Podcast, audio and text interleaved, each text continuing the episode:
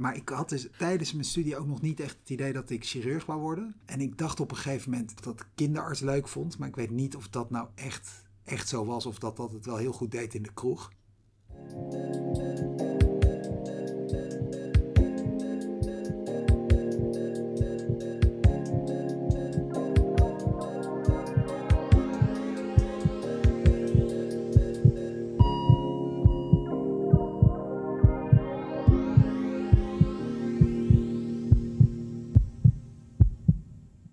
Nou welkom bij de VSMS-podcast allemaal. Deze week gaan we het hebben over innovatie binnen de GE-chirurgie. Mijn naam is Puk. En samen met Fleur zullen wij namens de activiteitencommissie het gesprek aangaan met professor Dr. Jelle Ruurda.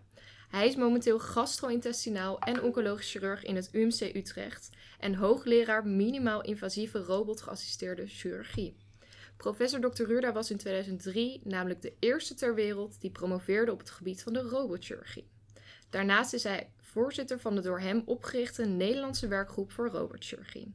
Bovendien is hij bestuurslid van de Federatie van Medisch Specialisten, waar hij de portefeuille Wetenschap, Innovatie en Zorgevaluatie onder zijn hoede heeft. Ten slotte is hij ook voorzitter van de Wetenschappelijke Commissie en lid van de Onderwijscommissie van de Upper Gastrointestinal International Robot, Robotic Association. Nou, ik heb zojuist geprobeerd een korte uiteenzetting te maken van wat u momenteel allemaal bezighoudt. Kunt u nog wat meer vertellen over uzelf? Ja, ik ben chirurg. Ik doe met name slokdarm- en maagoperaties. En dat doe ik met 90% denk ik met een mhm. robot. Mm dus dat is mijn grote hobby. En daar ben ik inderdaad in 2000 al mee begonnen. Dus bijna 25 jaar geleden. Toen als PhD-student. Dus was ik net klaar met mijn opleiding. Een beetje fase waar jullie nu in zitten. En uh, toen, voordat ik mijn opleiding chirurgie ben gaan doen, promotieonderzoek gaan doen op het gebied van die robotchirurgie. En zo ben ik eigenlijk erin gerold. Ja, en dat heeft me toen gegrepen en nooit meer losgelaten. Vanuit die achtergrond, uh, ja, en welk vak je daar dan mee gaat doen, ja, dat is ook min of meer toeval afhankelijk. Uh, en bij mij is dat de upper GI chirurgie, dus slokdarm- en maagchirurgie. En dat vind ik achteraf, ben ik nog steeds heel blij met die keuze, want ja, dat is in de buik en in de borstkas en in de hals. Het is heel afwisselend. En dat, ja, dat spreekt me enorm aan. Mooie anatomie. Dus, dus vandaar dat ik dat prachtige operaties vind. Ja, zeker. Een heleboel ervaring binnen de chirurgie. Hoe bent u eigenlijk beland bij de chirurgie? Wilde u altijd als chirurg worden? Nou, nee, eigenlijk niet. Ik dacht, toen ik aan geneeskunde begon, had ik echt eigenlijk geen clue. Ik, ik weet ook niet meer zo heel goed hoe bewust die keuze was. Eh, mijn opa was wel een rolmodel en die was uh, dokter. En uiteindelijk was hij ziekenhuisdirecteur. maar dat vond ik wel een rolmodel. Toen dacht ik, nou, lijkt me wel een mooie studie. Ik had net zo goed technische bedrijfskunde, had ik als tweede keus, geloof ik. En ja, weet je, het, het, was niet altijd al bedacht dat ik dokter wou worden. Maar, maar uiteindelijk ben ik daar wel heel blij mee. Ik vind het wel een mooi vak. Nog steeds. Het heeft heel erg die afwisseling van heel pragmatisch bezig zijn. En gewoon ABC handelen. Zeker de chirurgie heeft dat. En tegelijkertijd heeft een hele wetenschappelijke kant. En waarbij je kan innoveren, dingen kan onderzoeken, je kan ontwikkelen, uh, mensen kan opleiden. Ja, ik vind dat die combi van al die dingen vind ik heel erg interessant. Nog steeds, elke dag. Het verveelt nooit. Ja, maar ik had dus tijdens mijn studie ook nog niet echt het idee dat ik chirurg wou worden. En ik dacht op een gegeven moment, ik heb een tijdje gedacht dat ik kinderarts leuk vond. Maar ik weet niet of dat nou echt, echt zo was. Of dat dat het wel heel goed deed in de kroeg. Um, dus daar, uh, dat, dat kan ik me niet meer zo goed voor de geest. En toen had ik op een gegeven moment na kooschap ook bedacht orthopedie. Maar toen kreeg ik een vriendinnetje en haar vader was chirurg. Is chirurg, dat is nu mijn vrouw namelijk. en, uh, en die nam me mee naar het ziekenhuis. En ja, dat vond ik zo gaaf die deed afwisselende dingen. Die deed uh, een aneurysma, was vaatchirurg. En dan weer uh, tegelijk, want dat kon in die tijd nog, deed hij ook een uh, coloncarcinoom. En ik vond dat geweldig. Die buik, wat hij daar deed. Ja, dan dacht ik, nou, dat moet het worden. En toen uiteindelijk naar Utrecht. Ik, ik heb in Amsterdam gestudeerd. En toen in Utrecht promotieonderzoek gaan doen. Ja, op het gebied van die robotchirurgie. En toen, ja, toen ging dat helemaal leven. En toen dacht ik, ja, dit moet ik worden. Dus eigenlijk door het onderzoek bent u in de innovatieve hoek een beetje beland. Ja, denk ik wel. En dat, dat is natuurlijk toeval. Mhm. Eh, maar toen, we hadden hier in Utrecht uh, in augustus 2000 is de eerste robotoperatie in Nederland gedaan. Nou, daar was ik bij als artsonderzoeker. Toen was ik nog net niet begonnen, maar ik was al wel meegegaan mee naar die operatie.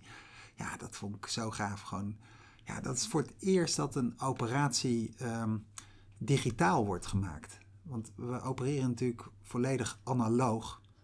Uh, met mes, schaar, pincet, uh, knippen, plakken en we hechten het met een draadje aan elkaar.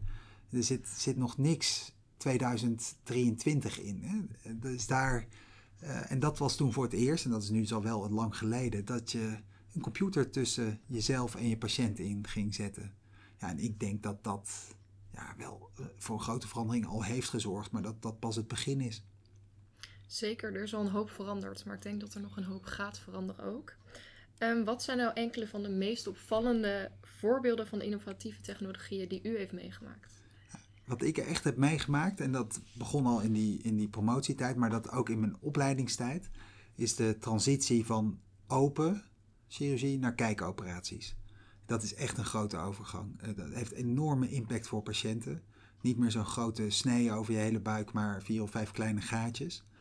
En ja, daar herstellen mensen sneller van. Uh, kan een galblaasoperatie opeens in een dagbehandeling. Um, maar ook de lange termijn complicaties heb je niet van zo'n van grote wond. Dus ik denk dat dat de grootste overgang is geweest. En wat je nodig hebt bij laparoscopie, is dat je heel erg anatomisch opereert. Dat je in vlakken opereert.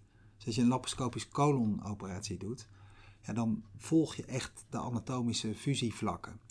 En dat was met open chirurgie. Ja, zag je dat maar half. En uh, ja, je, je doet het veel gedetailleerder als je een kijkoperatie doet. En dat factor 10 gedetailleerder nog als je het robot geassisteerd doet. Het is bijna microscopische chirurgie, dus je, je zoomt heel erg in. Dat je camerabeeld wordt vastgehouden door een robot, dus super stabiel is. Kun je veel dichterbij kijken. Als je dat bij een gewone kijkoperatie doet, ja, dan, dan word je een beetje zeeziek, omdat het beeld nooit helemaal stabiel is.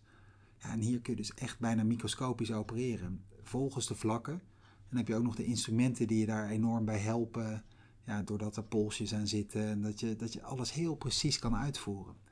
Maar, maar dus de grootste overgang vind ik van open naar scopisch opereren. Ja, en bij die scopische operaties word je dan weer juist heel goed geholpen door die robot om het nog beter te doen.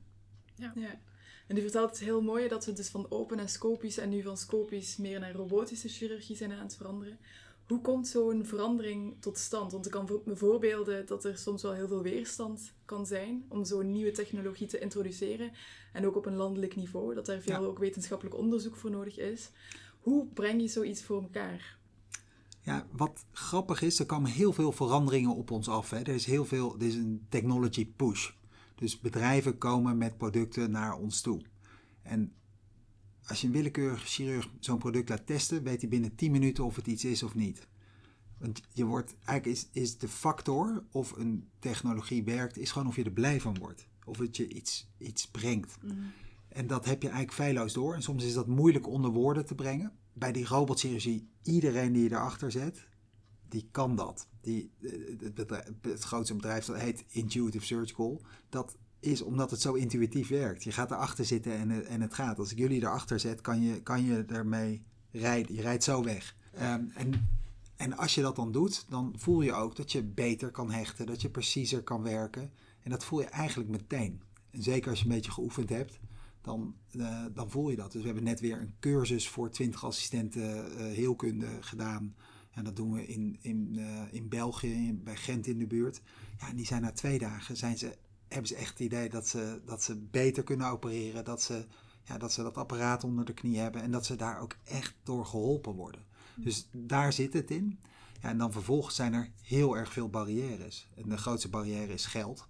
Want zo'n ja, zo'n robot kost anderhalf. Als je twee consoles doet, dikke 2 miljoen euro.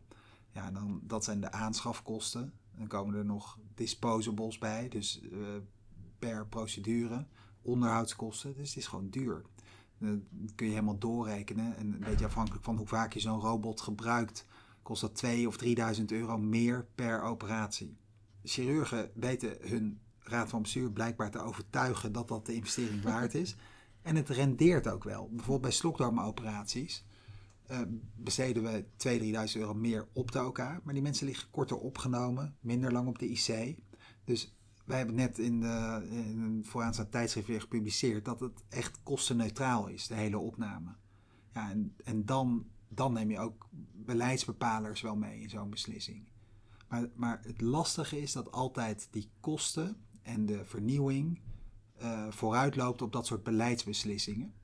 En ziekenhuizen moeten dus zelf de visie hebben om daar dan in te investeren. Ja, snap ik. Worden jullie dan als chirurg ook heel erg betrokken in dit proces vanuit die innovatieve bedrijven? Want ik denk voor hun heel rendabel als het natuurlijk op de markt kan komen. Maar uiteindelijk moeten jullie daarmee werken. Dus worden jullie dan actief betrokken in het productieproces ook van die robots? Dat is heel wisselend. Dus je ziet dat bij die ontwikkelprocessen, dus in de productie heb je natuurlijk geen rol uiteindelijk, maar in de mhm. ontwikkelprocessen naar productie toe spelen chirurgen een rol. Uh, dus dan word je als consultant of uh, word je erbij betrokken en dan mag je input leveren. Ja, en dat wisselt een beetje in wat voor mate je erbij betrokken wordt.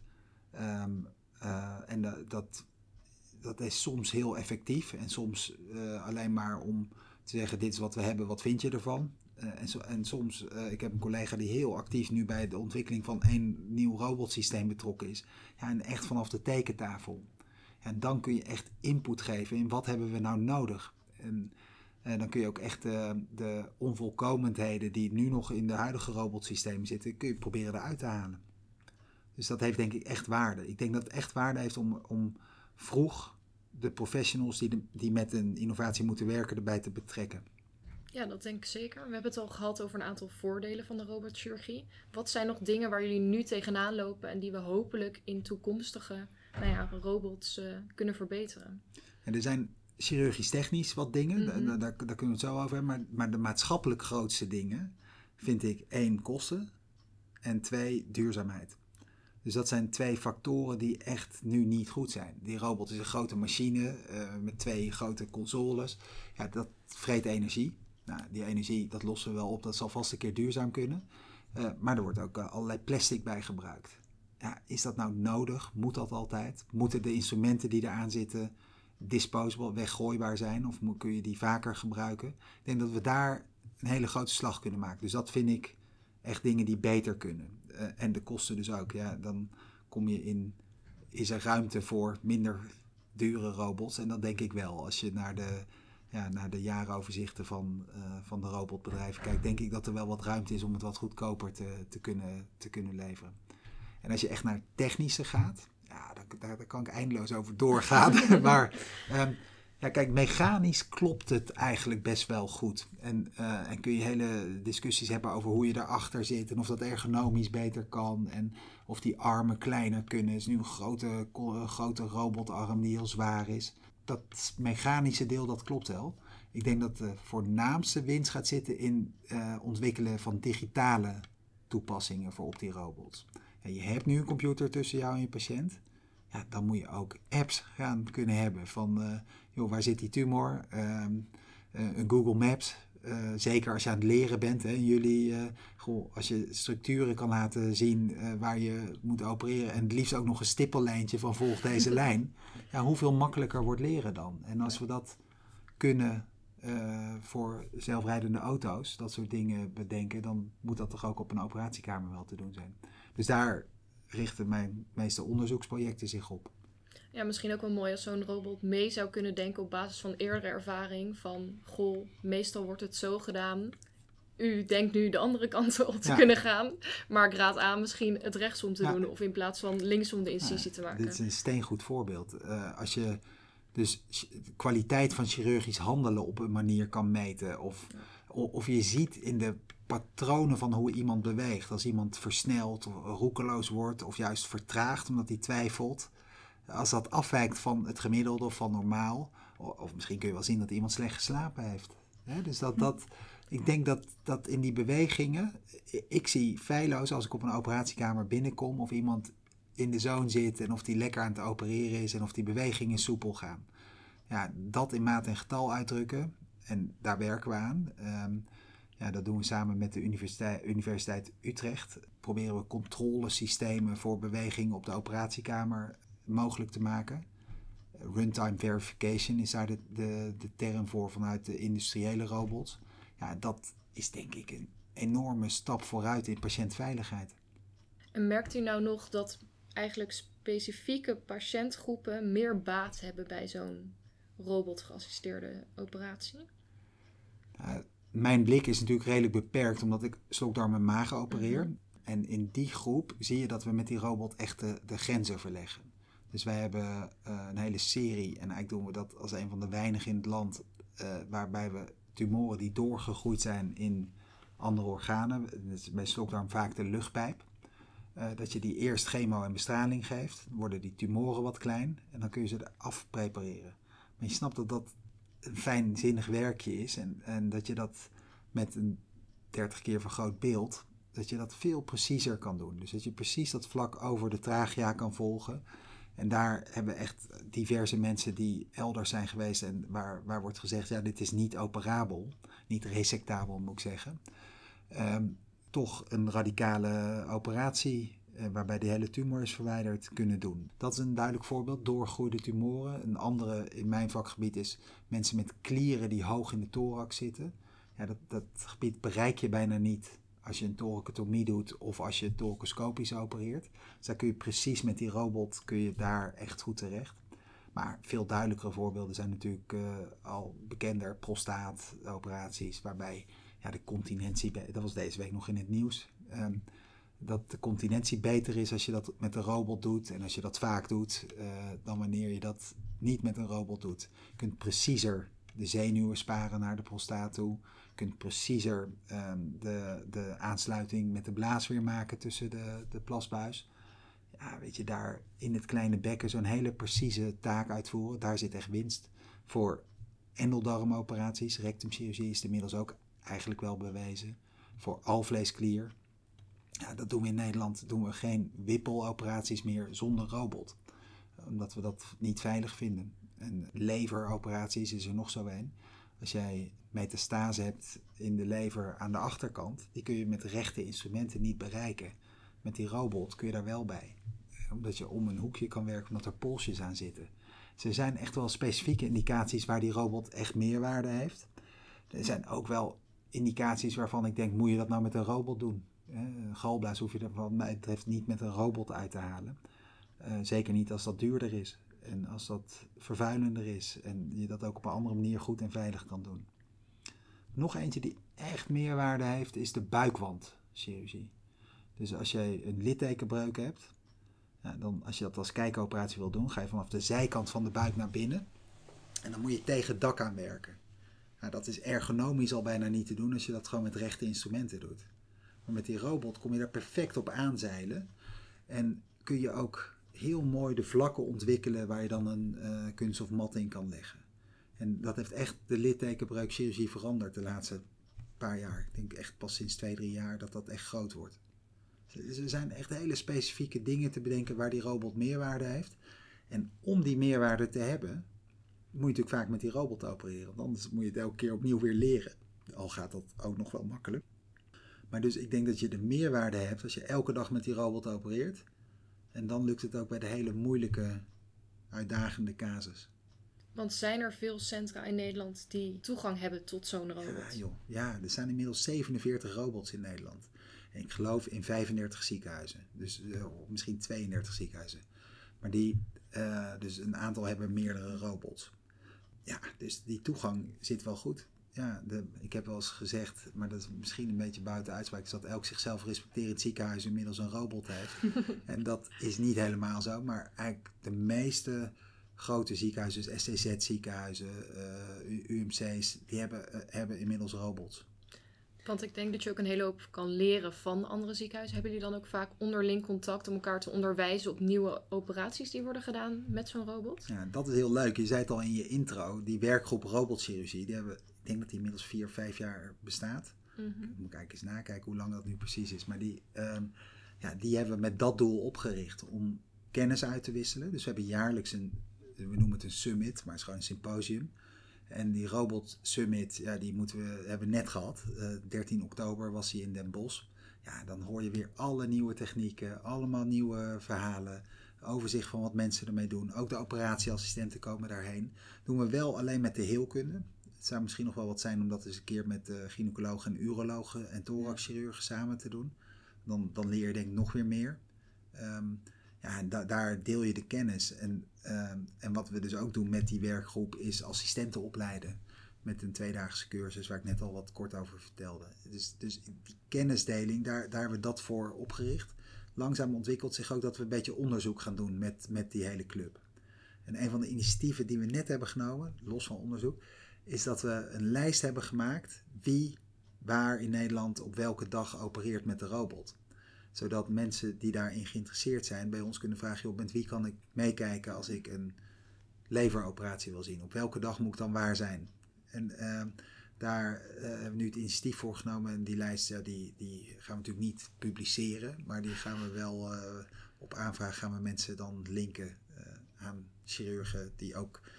Iedereen vindt het leuk als er mensen meekomen kijken die geïnteresseerd zijn. Ja.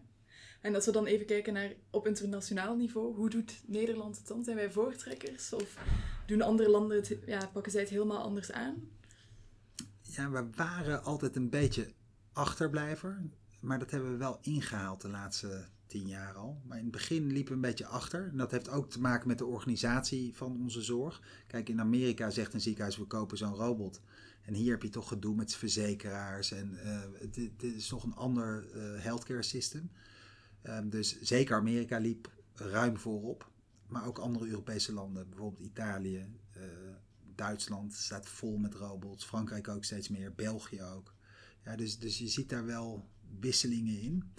Qua inhoud doen we het heel goed. Dus op de uh, lever- en pancreaschirurgie, de HPB-chirurgie, daar zie je dat wij echt een leidende rol hebben in het onderwijs en de opleiding en doen van onderzoek. En dat mensen hier komen kijken om het te leren.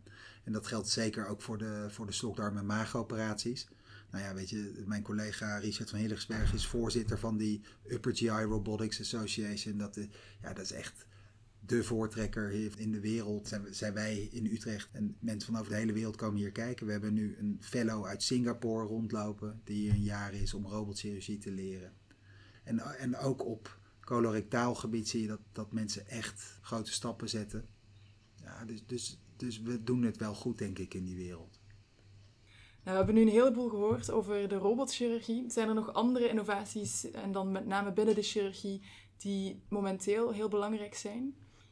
Nou, je ziet dat, er, dat het zich continu doorontwikkelt. Dus nu is er bijvoorbeeld een robot die niet meer vier, vijf gaatjes nodig heeft voor een kijkoperatie, maar single poort is. Dus dat je door één gaatje van 2 centimeter je operaties kan doen.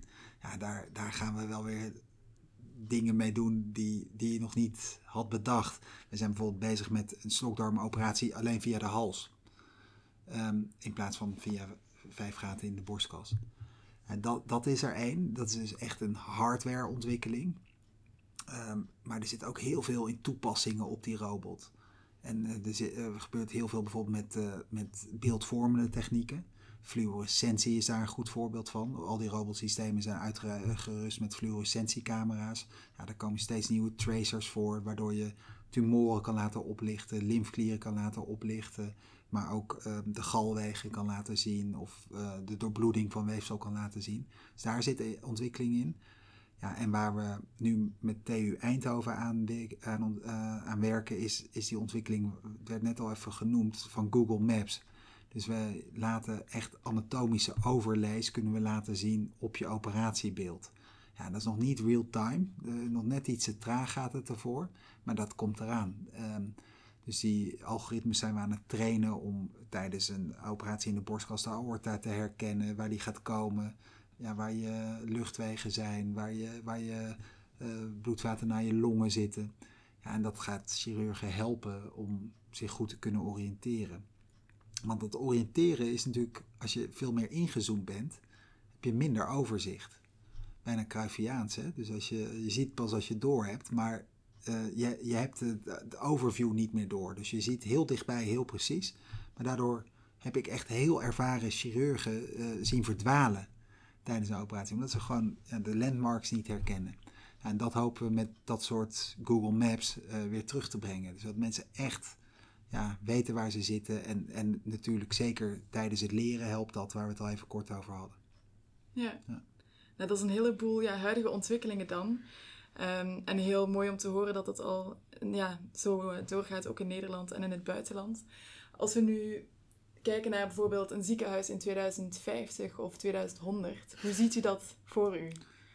Ja, uh, het hele ziekenhuis vind ik een beetje een veelomvattende vraag. maar, die, maar, die opera, maar die operatierobots, ik denk dat je robots gaat hebben eh, met allerlei eh, nieuwe mogelijkheden erop. Maar ik denk dat je specifieke operatierobots voor bepaalde operaties gaat hebben. En dat zie je al langzaam ontstaan. Je hebt bijvoorbeeld al een, eh, een Nederlandse robot die helemaal gespecialiseerd is in oogchirurgie. En eentje voor plastische microchirurgie.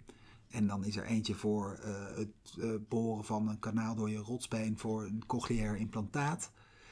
Dus, dus ik denk dat die richting, dat die zich meer zal ontwikkelen. Dat je specifieke robots voor specifieke indicaties gaat hebben, die dan allemaal tools hebben die je juist bij die operatie gaat helpen. Een voorbeeld is nog dat je voor ehm, werveloperaties, kun je nu volledig gerobotiseerd, genavigeerd je schroeven in die wervels boren, wat een heel precies werkje is.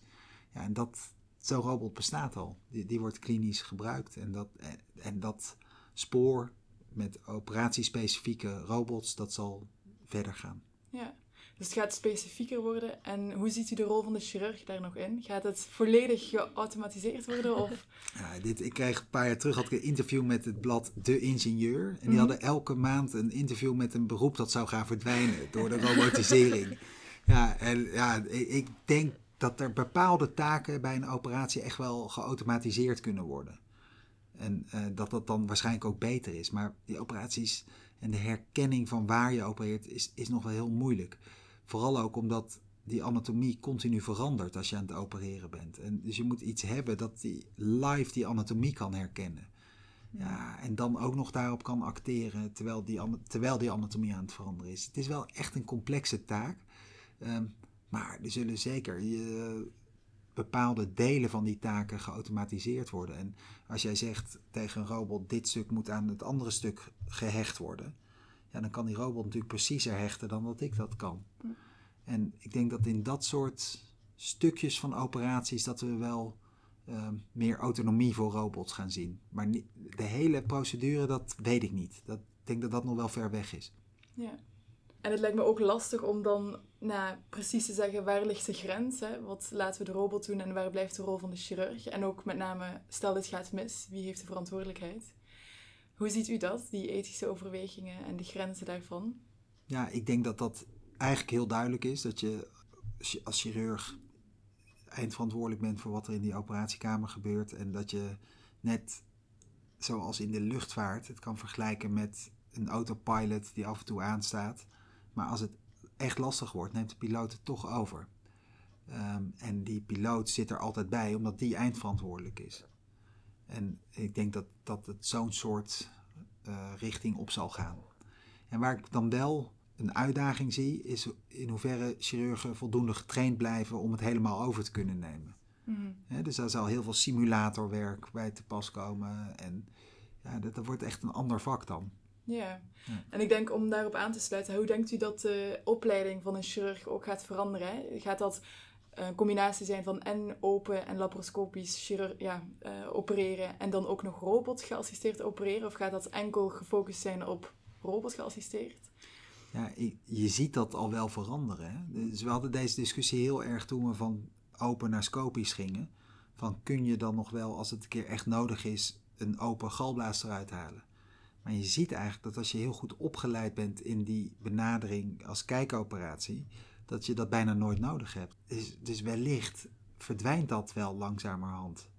Al weet ik niet helemaal zeker of dat je alles oplost met een kijkoperatie. En ik denk dat het toch wel een basale training van, van problemen oplossen eh, ook wel op een open manier nodig blijft. En wat daar natuurlijk echt een voorbeeld van is, is de damage control laparotomie, die de traumachirurgen doen.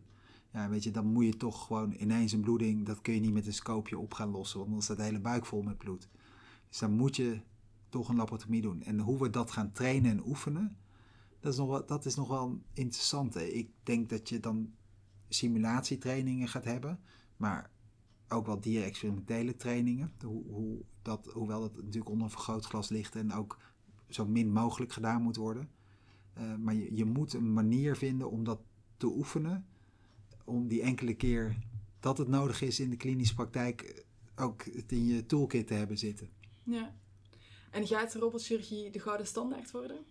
is het al voor heel veel dingen. De Ja. prostaat is natuurlijk een dikke 90% van alle prostaatoperaties in Nederland wordt met een robot gedaan. Oké. Ja, en dat gaat door. Ja. En als we dan hè, voor in de toekomst kijken, maar dan naast de robotchirurgie, waar kan innovatie nog eh, nou ja, punten behalen binnen de chirurgie? Waar zijn er echt nog behoeftes aan om dingen te verbeteren in de toekomst? Ja, er zit zo ontzettend veel aan vast. Want je hebt het hele perioperatieve proces, waar je Mhm. denk ik heel veel kan met, eh, met AI, beslissingsmodellen, keuzes maken. Welke patiënt moet je wel opereren, welke niet. Op basis van de hele primitieve stadiëring van een tumor, zoals we hem nu doen, op basis van een CT-scan, kunnen we heel weinig over prognose zeggen. Nou, misschien kun je dat straks met circulating tumor DNA of op een andere manier kun je, kun je daar wat van zeggen. Dus dat is het hele proces buiten de operatiekamer. Eh, beslissingen nemen, het vroeg herkennen van complicaties. Eh, dus daar kun, je, daar kun je eindeloos op doorgaan. En, en, en je hebt het hele proces in de operatiekamer. Ja, daar, daar heb je natuurlijk ook de logistiek. Hè? Dus dat kun je efficiënter laten lopen. Je kunt voorspellen of er, of er problemen aankomen, of een operatie te lang duurt, of die uitloopt. Misschien komt er dan wel automatisch een keer iemand helpen. Ehm, dus, dus, dus dat is eigenlijk ook nog rondom een operatie. En echt het in de operatie, daar verwacht ik heel veel van digitalisering. Daar hebben we het al Mhm. wel even over gehad. Eh, maar ik denk ook dat, dat er slimme instrumenten komen. Als jij een darm doorstapelt, ja, dan moet je natuurlijk kunnen meten of dat weefsel goed doorbloed is, of er genoeg knijpkracht in je stapler zit. Dus daar ga je digitale toepassingen zien. En die komen al langzaam onze kant op, waardoor je beter en veiliger gaat opereren. Ja. En als we weer eens kijken op een internationaal niveau, hoe ziet u dat? Bijvoorbeeld met telechirurgie of het overdragen van innovatie naar andere landen? Ja, ik denk dat daar wel een kans zit. Dat je, eh, het woord dat wel vaak gebruikt wordt, is democratizing surgery. Eh, want chirurgie is niet overal even toegankelijk. En als jij door middel van teleoplossingen het toegankelijker kan maken om in Afrika of eh, remote Canada, om maar even de kostenfactor een beetje weg te nemen, om het daar mogelijk te maken, dan, dan zijn daar wel kansen, denk ik. Ik zie ook wel wat in dat je echt de highest level van expertise binnen kan halen. Eh, dus dat je een slokdarmoperatie aan het doen bent ergens en dat het moeilijk is. En dat je een soort consultancy service hebt. En dus ik denk dat daar wel veel oplossingen zijn. Het echt op afstand doen van operaties, zoals die robots ooit begonnen zijn, is denk ik wel een lastige. Want je hebt toch altijd iemand ter plekke nodig. Nou, juridisch-ethisch, dat is de discussie die we net hadden. Maar ook bijvoorbeeld om de trokkaars in te brengen waardoor je opereert. Die buisjes waardoor je opereert. Dus je hebt toch altijd ook wat expertise ter plekke nodig. En waarom zou diegene dan ook niet die operatie kunnen doen? Uh, dus het helemaal op afstand, open, op afstand opleiden is denk ik wel weer een hele goeie. Dus dat je, dat je mensen ja, op hun eerste stappen begeleidt. Dus er zitten wel veel kansen. Ja, Ja. nou mooi om te horen. Goeie vraag. Ja. Nou, ik denk dat we al een hele hoop hebben gehoord en ook geleerd over de huidige innovaties binnen Nederland, maar ook op een internationaal niveau. En ook de toekomst. Eh, allemaal hele leuke en interessante vooruitzichten. Als u al uw ervaring zo meeneemt, wat zou je willen meegeven aan onze luisteraars, dus toekomstige geneeskundestudenten, co-assistenten en mogelijk ook chirurgen? ja, ik denk dat je altijd je, je passie moet volgen. Dat je moet doen waar je, waar je blij van wordt. En, en soms betekent dat, dat dat heel veel vervolgkeuzes heeft die, waar je niet zo blij van wordt. Maar gewoon dat je denkt van, oh, dit grijpt me echt en daar ga ik voor. Als je dat gevoel hebt, dan moet je daar achteraan gaan. En dan is dat belangrijk, want dan word je blij van. En, en dan straal je dat uit, dan krijg je positieve energie terug. En dan, dan ga je groeien. Dus ik denk dat dat het toch is. En dat is best, best wel een dooddoener natuurlijk. Volg je passie, volg je hart. Het is niet iets heel vernieuwends, maar ik, ik geloof daar wel in. En, en doe dat ook met volle overgave. Ga er vol voor. Want als je ergens half voor gaat, ja, dan krijg je er ook maar half iets uit. En, je, moet, je moet all in. En dan krijg je een prachtige carrière en uh, die, die altijd met hobbels en stoten. Nooit loopt dat altijd geplaveid. Maar all in met je hart, dan gaat dat goed komen. Nou, ik denk een heel mooi advies om deze podcast mee af te sluiten. In ieder geval hartelijk dank voor het luisteren allemaal. Wil je nou nog meer weten over de chirurgische innovatie? Kom dan vooral 27 januari naar ons landelijke symposium, waar we dit onderwerp natuurlijk nog verder zullen aansnijden. Kijk vooral op de Insta voor alle informatie. En professor Dr. Jelle Ruurda, hartelijk dank. Ik vond het een onwijs leuk gesprek. Ik ook. En ik hoop de luisteraars Ik ook. En ik zie jullie wel terug eh, in de operatiekamer. Hey Jean-Paul, heb je al gehoord van het nieuwe symposium van VCMS? Nee, wat is dat? Het symposium gaat over chirurgische innovatie, gefocust op artificial intelligence en persoonlijke innovatie. Oh, wat gaaf. Wanneer is dat dan? Het symposium is 27 januari in het Anatomiegebouw in Utrecht. Maar wie komen er dan eigenlijk spreken? Je hebt verschillende sprekers. We trappen af met dokter Ruben Verwaal, die gaat praten over chirurgie door de eeuwen heen. Daarna spreekt professor Dr. Nicole Bouvie. Zij is oncologisch chirurg, gepromoveerd op laparoscopische technieken. En haar lezing heet Opereren zonder mes. Vervolgens hebben we professor Dr. Job Doornberg. Die gaat praten over AI in de chirurgie. Hij is orthopedisch traumachirurg. En als laatste hebben we professor Dr. Nasser Najimi. Hij gaat praten over global surgery, gefocust op schisis. Je kent hem misschien wel van de serie Topdokters. Hij werkt in Antwerpen. Maar moet ik dan de hele dag zitten en luisteren? Nee, zeker niet. Je hebt ook heel veel hands-on workshops, namelijk laparoscopie, het anatomie 3D-lab en je kan oefenen met je vaatanastomoses. Daarnaast is deze middag ook inclusief lunch en goodiebag. Oh, wat superleuk. Maar waar kan ik dan een kaartje kopen? Deze kaartjes kan je kopen via de VCMS-website.